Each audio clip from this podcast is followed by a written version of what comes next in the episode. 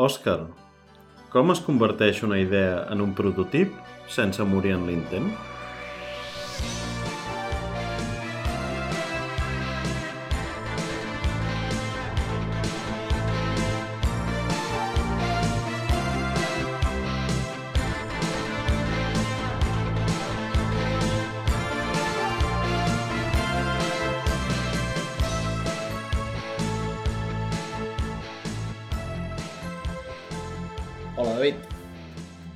Doncs no ho sé ben bé, um, però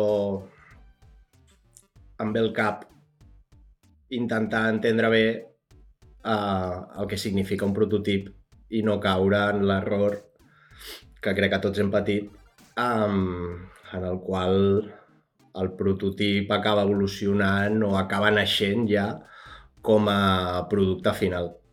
Uh, crec que a vegades el, la, el prototip o l'objectiu d'aquest prototip és intentar validar no? aquesta idea.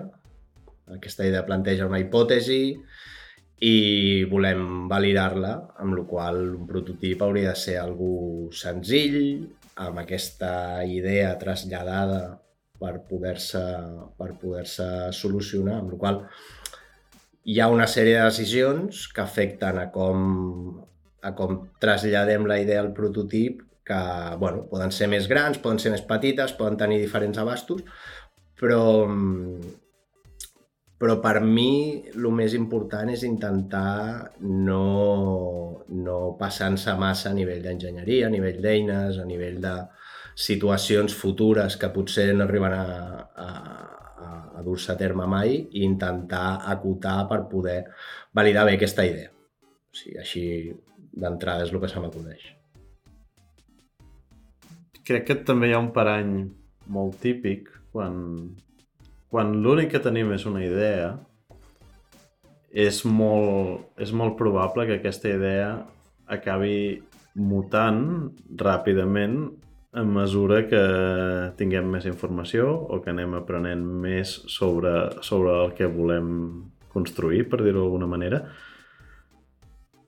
Crec que un parany molt nostre, parlo en nom de una gran part del, de la comunitat d'enginyers i enginyeres, un parany és intentar capturar tots els casos o intentar generalitzar molt una solució.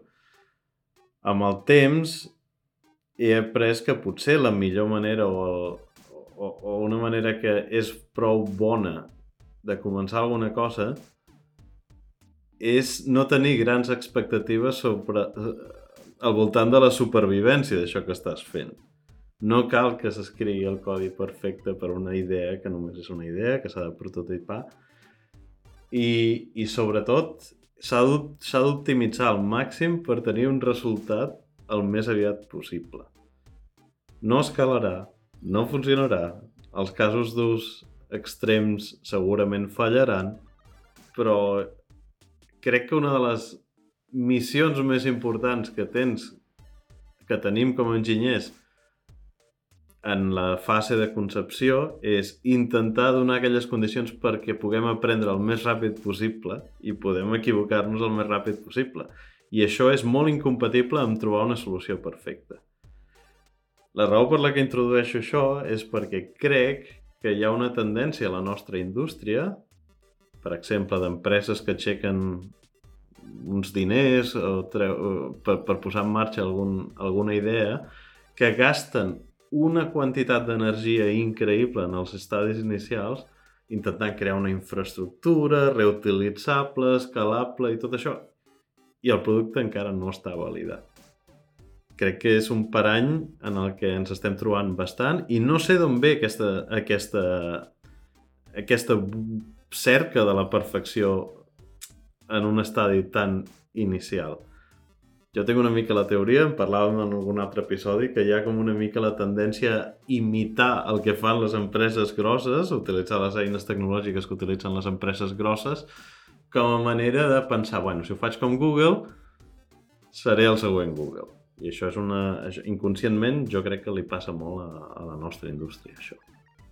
Sí, bueno, tenim tendència... O sigui, crec que som un, crec que som un sector molt impressionable en, en, en aquests aspectes, a nivell de, a nivell de, de deixar-nos aportar per les tendències de, per les tendències del sector.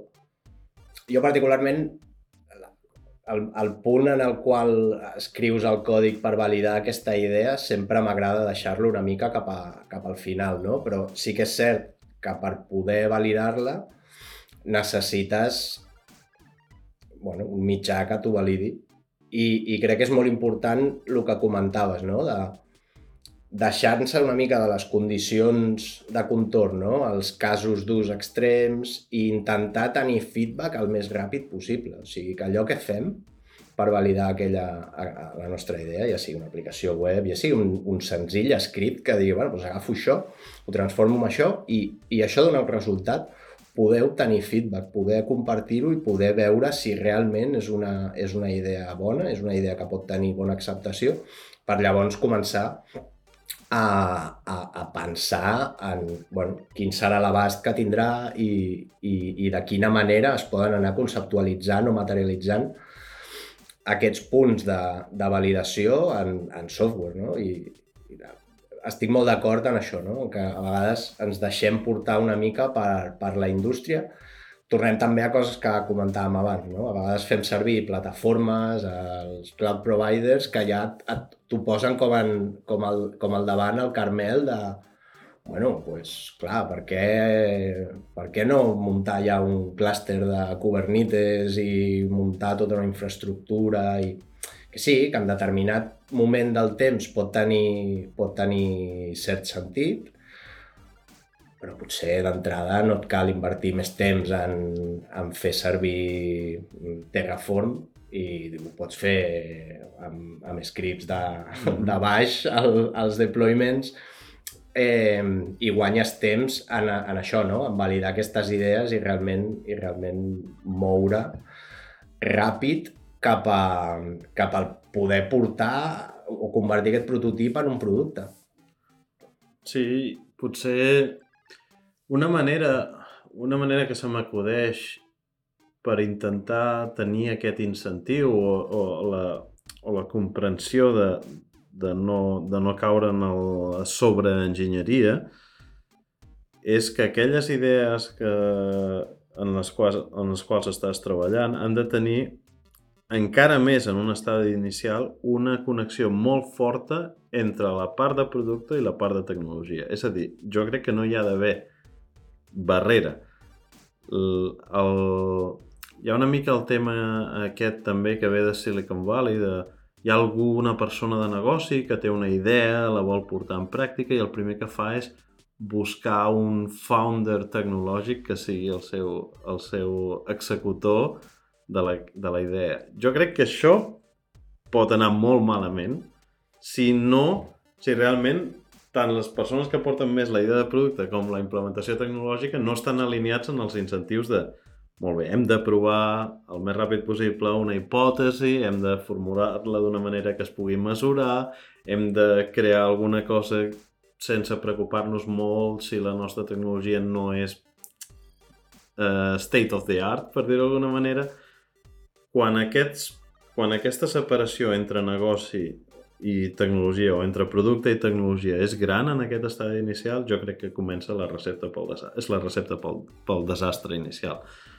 M'he trobat empreses que decideixen gastar-se els seus primers mesos d'enginyeria creant, com deies tu, infraestructures autoescalables de cloud. Escolta, estem creant una infraestructura autoescalable per una empresa o per un negoci que encara no té ni 10 usuaris, ni 100 usuaris, ni 1.000 usuaris, hi ha moltes empreses grosses que coneixem avui en dia que no van invertir en aquest tipus d'optimitzacions fins molt entrat el seu, el seu, la seva fase de, fase de creixement. Per tant, crec que aquesta comunicació, tecnologia-producte, està alineats en els incentius i està alineats en allò que volem optimitzar és crucial eh, per evitar complexitats massa innecessàries en una fase inicial. Sí, és, és una mica el de, lo de sempre, no? que, sem que ens acaba tornant a tots els, a tots els episodis. No? El, el factor de la comunicació, ja sigui en estadis inicials, en estadis finals o, o en empreses que ja han assolit un nivell de, de maduresa o de, en el, a vegades maduresa en el temps, no? per, per, per història.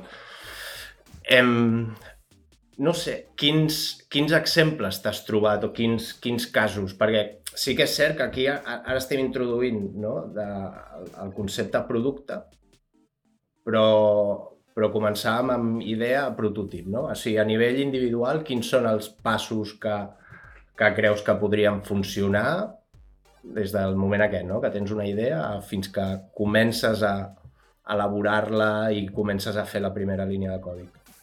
Per exemple, un patró que, que he vist en moltes empreses que intenten que intenten saber si una idea tindrà mercat és directament tenir una web que sigui una, una landing page, una pàgina on arriba la gent, uh -huh. on descriuen les funcionalitats del producte i on realment darrere d'això no hi ha absolutament cap línia de codi útil de producte, simplement hi ha un mecanisme perquè els usuaris que tenen interès en aquesta funcionalitat puguin expressar, puguin, no sé, demanar una reunió de vegades o puguin omplir un formulari, de vegades vull entendre els teus casos d'ús i tot això. Bàsicament un, un formulari de Google o alguna cosa super simple on ja puguis entendre què necessitarà algú que vulgui comprar un producte com el que tu estàs, o una idea com la que tu estàs intentant convertir en realitat. Això fa bastant mal des d'una perspectiva de, de saber, saber això, òbviament no et dona molta credibilitat com a empresa si no hi ha res darrere, però almenys t'ajudarà a aprendre si aquella idea pot generar algun interès. Durant molt de temps doncs, hi ha hagut eines de màrqueting, de startups, de coses de, jo que sé, fins i tot publicar anuncis a, a Google i anuncis pagats de gent que busca certs termes i veure si el teu producte encaixaria amb les seves necessitats sense haver-ho ni tan sols començat a escriure. Això és un exemple molt extrem, òbviament, aquí eh, eh, per això no necessites ni tecnologia darrere, potser necessites a, a, alguna persona que et dissenyi una bona landing page i, un, i, un, i uns bons missatges, per, per comunicar-te amb, amb l'usuari que pugui estar interessat en el teu producte, però també això es pot aplicar un pas més endavant. Per exemple, a nivell, a nivell de decisions tecnològiques, doncs, doncs no cal fer un sistema autoescalable, no cal fer un sistema supermodularitzat. Ara aquesta funcionalitat de l'API l'encapsularé en un microservei no. Totes... No, clar, clar. bueno, ja havíem parlat dels microserveis fa, fa, fa uns dies. Um, totes aquestes coses es poden trobar moltíssimes dreceres abans de abans d'escriure codi que sigui sostenible. Òbviament, jo crec que això porta implícit i aquí és potser un, un dels temes on fem enginyeria una mica a nivell de, defensiva, per dir d'alguna manera, això porta implícit que tot allò que estem escrivint de codi se n'anirà a la brossa de seguida. Si, tant si la idea funciona com si la idea no funciona. Si la idea no funciona, òbviament no ho necessites, però si la idea funciona, allò no, no serà escalable ni sostenible. Però és una cosa amb la que has d'aprendre a conviure. Has d'aprendre a conviure amb un codi que s'està escrivint per ser llançat. Per ser llançat. I, en definitiva, no buscar una perfecció molt abans de temps és interessant, no? És, és això, no? La idea i l'experiment.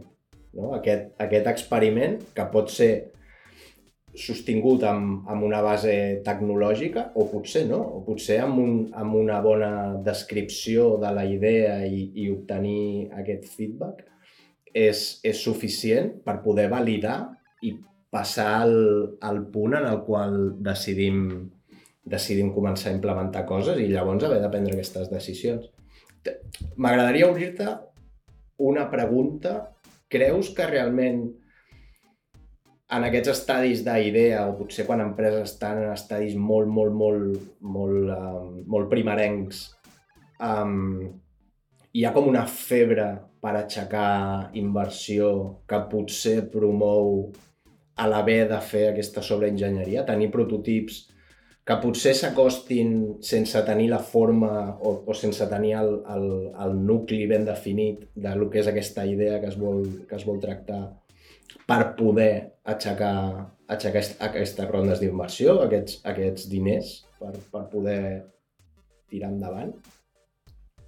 Sí, crec que la manera que s'ha popularitzat de començar negocis a internet, sobretot molts negocis de, de, de business to business, B2B, és s'ha de créixer, s'ha de créixer, s'ha de créixer, aixequem pasta per, per invertir, s'ha d'invertir aquests diners, s'ha de muntar un equip, tot això abans d'haver validat una hipòtesi.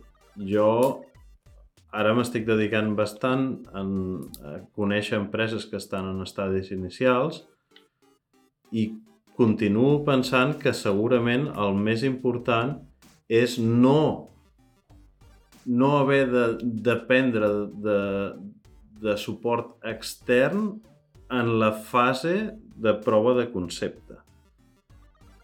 Hi ha moltes empreses que tenen la idea només una idea més o menys ben descrita i entenen més o menys el mercat que, que tindrà aquesta idea i en aquest moment ja van a buscar ajuda externa per intentar muntar un equip o una estructura al voltant d'aquesta idea.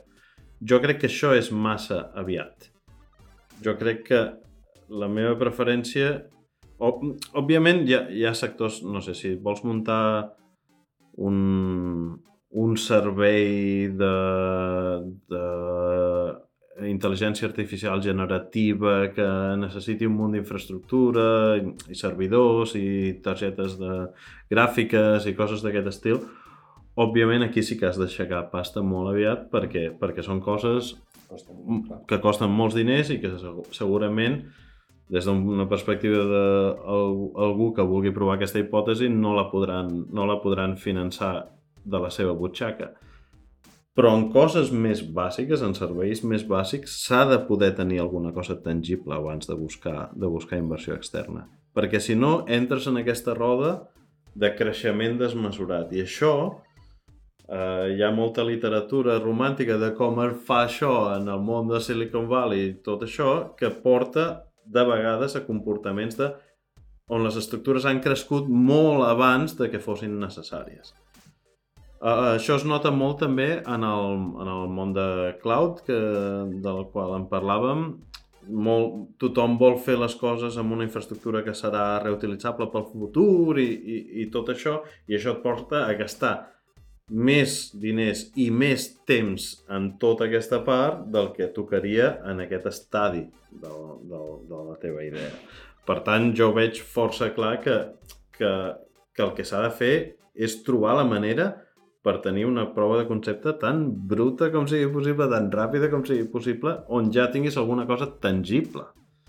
Suposo que el món de la inversió i el món de com es fan, com ens han dit que hem de fer créixer idees, no ha ajudat molt, no ha ajudat molt a, a fer idees que tinguin uns costos sostenibles des, de, des del punt inicial. O sigui, potser la idea es ve està influenciada per, aquest camí que s'ha de seguir, no? Hi ha com un camí predefinit i la idea que potser parteix d'un concepte senzill s'acaba um, enriquint o, o, o acaba creixent d'una manera una mica més complicada, complexa, per, per aquest motiu, no? Perquè hi ha una sèrie de passos per a seguir a nivell de, bueno, doncs això, no? recaptar inversió, primeres rondes, segones rondes i aquest creixement. Sí. Recordo fa, fa uns 22-23 anys quan vaig començar a treballar en, en algunes startups recordo que tot i que la tecnologia i sobretot la capacitat de computació era molt més limitada del que és avui, hi havia coses que ja ni ens plantejàvem. Vull dir, és com si intentàvem trobar la manera de fer coses a poc cost. I també els stacks tecnològics eren molt més simples, molt més rudimentaris, en el bon sentit i de vegades també en el mal sentit, no permetien certament fer coses que avui en dia podem fer amb les nostres GPUs i coses d'aquest estil, però realment tenir una, una web amb un servei en marxa era una cosa que realment costava poc temps eh, si et sabies, si coneixies la tecnologia. Si, insisteixo, tecnologies més rudimentàries. Uh -huh. Avui en dia hi ha moltes abstraccions, molts frameworks de, jo que sé, de webs, de backend, de microserveis, i tothom ha acceptat que tota aquesta complexitat és necessària per qualsevol tipus de projecte. Però, però és molt cert que moltes de les coses que van, ser, van tenir molt èxit a, a l'any 2000 i, i, i, i, endavant, i més endavant, eren coses que tenien un stack tecnològic molt rudimentari, que eren una web amb PHP dinàmicament generat, que si tenia més de 15 eh, connexions simultànies segurament ja no funcionaria i que tenia un bottleneck en la connexió cap a la base de dades, però això ja era suficient. Avui en dia hem creat com aquesta litúrgia al voltant de començar coses que, que potser hem perdut una mica el nord d'aquelles coses que són importants en el món de la tecnologia. I certament infraestructura molt complexa que funciona per a empreses que tenen centenars de components o milers de components, potser no és el més adequat per a empreses petites. Creus que això, no? la diferència en, amb aquests 20 anys de, de, que han passat des d'aquestes de, des experiències que, que dius, creus que potser evidentment la, la infraestructura ha evolucionat molt, no? El que es podia fer fa 20 anys, no, ara ho pots fer amb tres clics. Mm. Depèn, de, depèn de com, abans havies d'entrar al servidor i escalar manualment i monitoritzar d'una altra manera, però potser, potser el, el tenir a l'abast això eh, i que també es propici, no? Abans no hi havia tants calés, les rondes d'inversió no eren les que són ara. Es donen més calés ara i això pro, pro, propicia aquesta sobreenginyeria? És, sí, hi ha molts casos d'empreses que amb un bon amb un bon slide deck, amb un bon PowerPoint i amb una bona agenda de contactes poden aixecar un o dos milions de dòlars fàcilment per muntar una cosa. Jo no sé si la correlació és, és, és directa, però, però sí que sé que quan, que quan aquest, aquesta inversió és fàcil d'obtenir, pots caure en el parany de crear més coses de les que siguin absolutament necessàries per provar la teva idea. Òbviament la inversió és, és necessària, com deia abans, per, molt tipus, per molts tipus de, de projectes, i no necessàriament crec que ha de comportar eh, un mal ús d'aquests fons. Però sí que contribueix a una certa inflació tecnològica, inflació d'escala, inflació de eh, créixer prematurament, inflació d'optimitzar per, per certes coses que realment no estan relacionades amb, amb, amb la teva idea original. No, no, insisteixo, no sé com de directa és la correlació, però, però, però és possible que aquesta època de molta bonança ajudi a fer coses realment menys sostenibles. També, clar, la teoria és si proves moltes coses, alguna funcionarà. Mm, i, I en aquest sentit crec que està bé poder tenir accés a, a, a finançament més fàcilment del que es podia, del que es podia anteriorment. Sí, és, o sigui, em, em, sembla, em sembla molt interessant, no? Jo, jo també crec que, la, que, el, que el finançament és, és, bueno, és necessari, és una part del creixement, no? Evidentment, contra... Però potser el, els estadis en els quals s'espera el finançament eh, no estan ben equilibrats, d'alguna manera. Potser un finançament molt, molt prematur en els estadis de creació d'una empresa o de, de consolidació d'aquesta idea poden portar aquest tipus de, de sobreenginyeria. I, i bueno, de fet, els últims anys ho hem, ho hem experimentat. Quants, ja no a nivell d'enginyeria, no? però quants acomiadaments, quantes rondes d'acomiadaments hi ha, potser promoguts per aquesta necessitat de creixement a nivell humà, a nivell tecnològic, perquè acostumen a anar bastant lligats, no? Vull dir, no, no, no crees equips sense tenir a vegades una necessitat real o fictícia, que pot estar, pot estar una mica en projeccions de, de negoci que després et canvien les condicions de mercat i se te'n va una mica tot a Norris. Però, però sí, no? Potser aquests diferents estadis i els, els, els grups d'inversió o, o, o la manera en la que també contribueixen una mica a marcar els temps en els quals es prenen certes decisions. Això potser... Sí, hi ha una mutació. Eh, el, el tema que estàvem tractant està mutant cap a un tema molt interessant, que crec que mereixerà una conversa separada, que és el tema de quan fer créixer, per exemple, una empresa en nombre d'enginyers, quins costos comporta? Vull dir, la idea la idea cruda que ve del món de les finances és si tenim una velocitat X amb un nombre d'enginyers Y, si demà tenim un nombre d'enginyers dues vegades Y, la velocitat que tindrem serà 2x. Això, clar, veig que t'estàs posant les mans al cap i jo també me les poso, però hi ha molta gent que treballa en el món de, de, de convèncer empreses que han de créixer o en el món de donar-li calés a les empreses perquè creixin o fins i tot en el món de demanar calés des d'una empresa per créixer que hi creuen conscient o inconscientment. No entenen que fer créixer un equip porta uns costos salvatges en quant a onboarding que fins i tot duplicar la mida d'un equip pot implicar que la teva velocitat es redueix i es redueix molt, no només perquè trigues molts mesos a tenir la gent nova que ha entrat productiva, sinó perquè la gent que ja està eh, produint per l'empresa ha de dedicar molt de temps perquè aquesta gent puguin produir, perquè segurament quan creixes d'una manera tan dràstica no estàs preparat en quant a processos, en quant a documentació, en quant a organització per acomodar tota aquesta gent que entra. I clar, llavors venen mal dades, com tu dius, i molta gent, després hi ha acomiadaments, clar, has pagat el cost dues vegades i a sobre has segurament destrossat la vida d'algunes persones que realment tenien un futur a la seva carrera.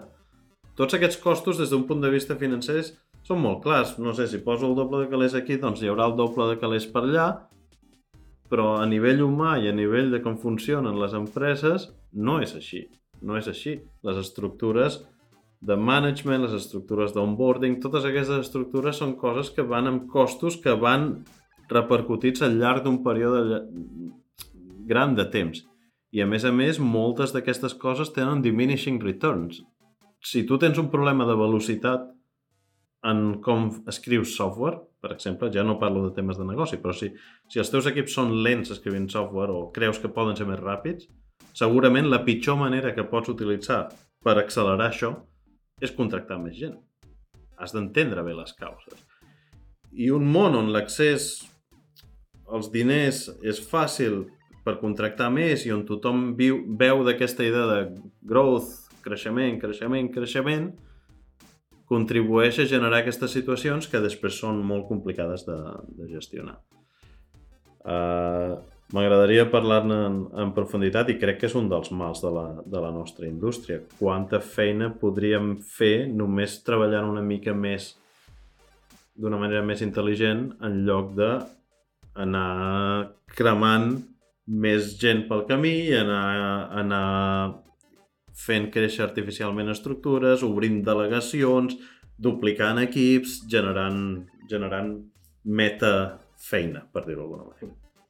Hi ha, un, hi ha un punt que crec que és, que és super interessant en això que comentes, però que també el podem enllaçar amb la part de tecnologia, no? El, aquesta equació aritmètica de si x i 2i, llavors tindré aquest, aquest doble d'allò. Clar, a vegades això també, a part del temps que s'inverteix en onboarding eh, i el temps de gent que ja està produint, que ha de reduir el seu temps per poder um, eh, incloure els nous membres de l'equip. Però també hi ha un factor que hi ha, hi ha un experiment um, com molt conegut, no? que és el de la distorsió d'un missatge. Tu poses tres persones en fila, un xiu-xiueja el missatge a l'orella de l'altre Sí. i al cap de- d'allò potser ha arribat una mica variat. Si em poses 10 a la fila, el, la variació del missatge um, és molt més gran. Clar, això ho pots aplicar exactament a equips de desenvolupament i equips de tecno... I, i realment a la natura de, de, de la tecnologia, no? O sigui, estàs incloent-hi molta més gent. Si no tens aquests processos una mica ben definits, em, faràs que la idea, els objectius que, que, pels quals estan creixent potser es dilueixin una mica dintre d'aquesta bola de creixement que estàs, que estàs introduint, amb la qual ja sem amb un altre tema que ja hem tractat, contribueixes a, a, a incrementar aquest deute tècnic dintre dels teus, dintre dels teus equips. Amb la qual jo torno com a lo, a lo més simple, no? Creixement sí, però creixement eh, pensat, no? Creixement en base a una necessitat. A vegades em dóna la sensació d'això, no? Aixequem aquests diners, hem de créixer. Però a veure, hem de créixer perquè hem aixecat els diners o hem de créixer perquè realment necessitem créixer? Perquè podem aixecar aquests diners i no polir-nos en els primers sis mesos, perquè necessitem gastar-nos per poder passar la següent ronda Sí, sí, sí. d'inversió. No? Aquests són els tempos dels que et parlava abans i jo no estic massa versat en aquests, en aquests mons, però bueno, bàsicament el que llegeixes i el que veus eh, últimament et fa crear-te aquesta, aquesta opinió. O sigui, si hem de créixer, cony, que sigui perquè ho necessitem, no perquè ve marcat per uns, uns, uns tempos d'inversió, no? que, que els diners no ens marquin les necessitats. Sí. I, I sobretot entendre entendre bé que el, les coses que fas avui no són accions. No estàs jugant a un simulador on tu canvies una cosa i al moment veus un efecte. Els efectes van molt diferits en el temps. I ja prendre-s'ho tot des d'aquest punt de vista molt aritmètic, si duplico aquí, du espero duplicitat allà, sí, potser sí, però diferit en el temps. Hi ha molta gent que es pensa que, que afegint més, més combustible en una equació, doncs la sortida serà immediata i això no és així. Els humans no funcionem així, els equips no funcionen així i, per desgràcia, encara hi ha la mentalitat aquesta de eh, planifiquem feina de vegades pensant que nou dones juntes poden tenir un nen en un mes i això no és possible. I això no és possible. Les coses tenen un, un recorregut que, que no és aritmètic. I aquest jo crec que és un dels mals de, de com treballem amb, amb, amb les fases de creixement. Estic d'acord. Crec que amb el missatge que em quedo és busquem simplicitat i sobretot provem els canvis en base a, a una necessitat, realment, que, que ens permeti avançar, però d'una manera, d'una manera coherent i segura. Molt bé, Òscar. Gràcies, David. Fins a la propera. Fins aviat.